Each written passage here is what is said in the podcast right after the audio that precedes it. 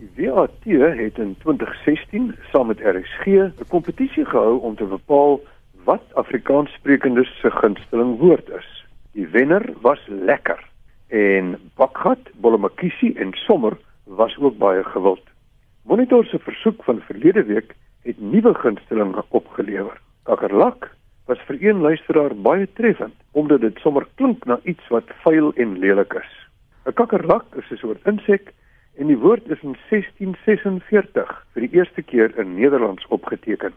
Kakerlak kom uit Portugees, kakalaka. Portugese het die insekte kakalakas genoem wat beteken insek waarvan die ontlasting lyk soos lak. Lak is 'n klewerige stof wat 'n glans aan iets verleen of waarmee jy iets seël. Die kleur en gladde voorkoms van kakerlakke se eiers en uitwerpsels het die Portugese aan lak herinner.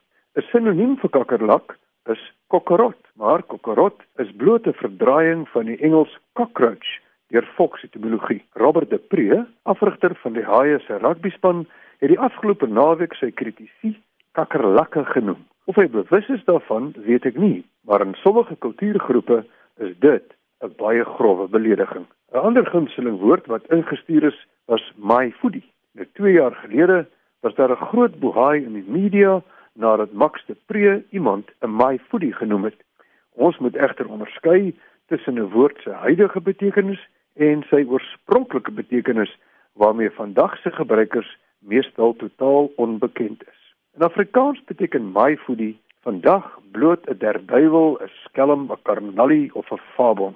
In die oorspronklike Maleis Portugees het my foodie verwys na iemand wat bloedskande met sy moeder pleeg. Dit samestelling van mai wat ma beteken en fudei in Portugees wat beteken om geslagsgemeenskap te hê.